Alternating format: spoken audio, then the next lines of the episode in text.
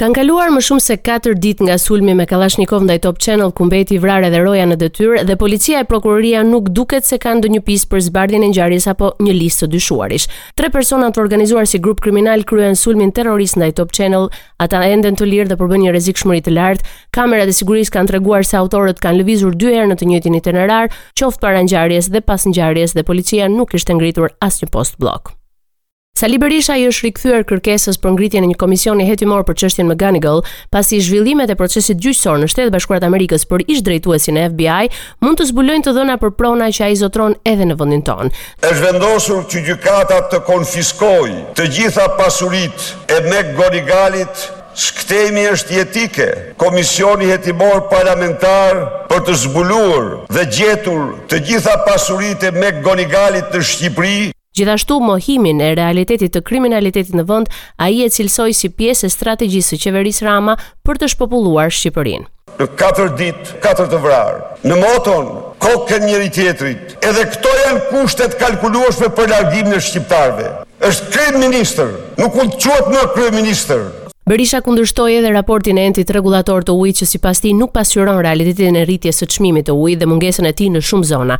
Por pavarësisht se ai zgjodhi të ikë, zëvendëskryeministrja Balluku iu kundërpërgjigj këtyre akuzave. Shumë deputetë të opozitës i kujtuan shumicës premtimin e pambajtur për të furnizuar njëzet e katër orë me ujë të gjitha bashkitë e vendit.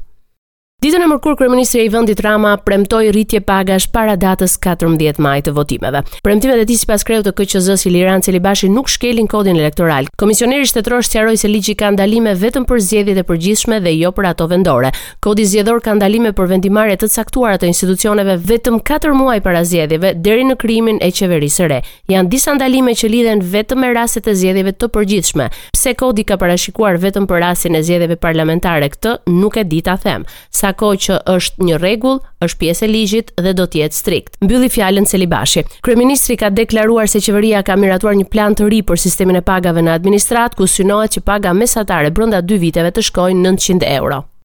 Në ceremoninë e nderimit të shtatë sportistëve të talentuar shqiptarë, kryeministri Rama është shprehur se së shpejti do të kalohet për miratim Ligji për aktivitetet e basteve online, për të cilin ka thënë se do të jetë një hap i rëndësishëm për të formalizuar këtë aktivitet. Gjatë fjalës së tij, kryeministri Rama deklaroi se të gjitha të ardhurat që do të përfitohen nga aktiviteti i basteve online do t'i kalojnë sportit, teknologjisë dhe kulturës. Në ceremoninë e nderimit të shtatë sportistëve të talentuar, kryeministri është shprehur se qeveria është e vendosur që të thellojë mbështetjen për sportistët elitar, po ashtu dhe për lëvizjen sportive në shkollë. Gjatë fjalës së tij ai deklaroi se qeveria ka një politikë financiare që do t'i ofrojë mbështetje për periudhën stërvitore për sportistët, për të cilën është shprehur se ka një boshllëk, gjithashtu dhe mbështetjen e lëvizjes sportive në shkolla. Janë dy binarë që do ta çojnë përpara sportin duke marrë në konsideratë nevojat e sportistëve elitar dhe atyre që kanë potencialin për t'u kthyer në kampionë, mbylli fjalën e tij Rama. Kandidatët e Enkelejd Alibeajt kanë nisur tërhiqen nga gara për zgjedhjet lokale të 14 majit, pasi Alibeaj deklaroi se ka rreth 20 kandidatë për kryetar bashkie, nga lista e tij janë tërhequr 4 prej tyre. Shkak i tërheqjes është lista e kandidatëve për anëtarë të këshillave bashkiakë.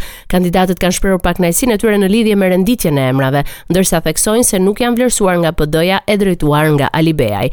Ndërkaq një tjetër kandidat, ai për bashkinë e Vorës, mjeku Ibrahim Bruka, nuk ka mundur të regjistrohet brenda afatit për arsye familjare. Gjatë konferencës për mediat, Alibeaj u pyet për tërheqjen e kandidatëve, por nuk dha asnjë shpjegim. Ministrja e Financave dhe Ekonomisë Delina Ibrahimaj në një konferencë për mediat ka bërë të ditur raportin e buxhetit të vitit 2022 ku ka dhënë me shifra si ka qenë ekonomia e vendit në vitin 2022. Gjatë fjalës së saj, ministrja ka deklaruar se rritja ekonomike në vitin 2022 ka rezultuar në nivelin 4.84%. Ajo gjithashtu ka bërë me dije se gjatë vitit 2022 të ardhurat në total janë rritur me 13.8%, teksa ka shtuar se ka reduktim të ndjeshëm të borxhit publik që në vitin 2022 ka shënuar 64.6%. Raportoi nga Tirana për Radio SBS Gerta Heta.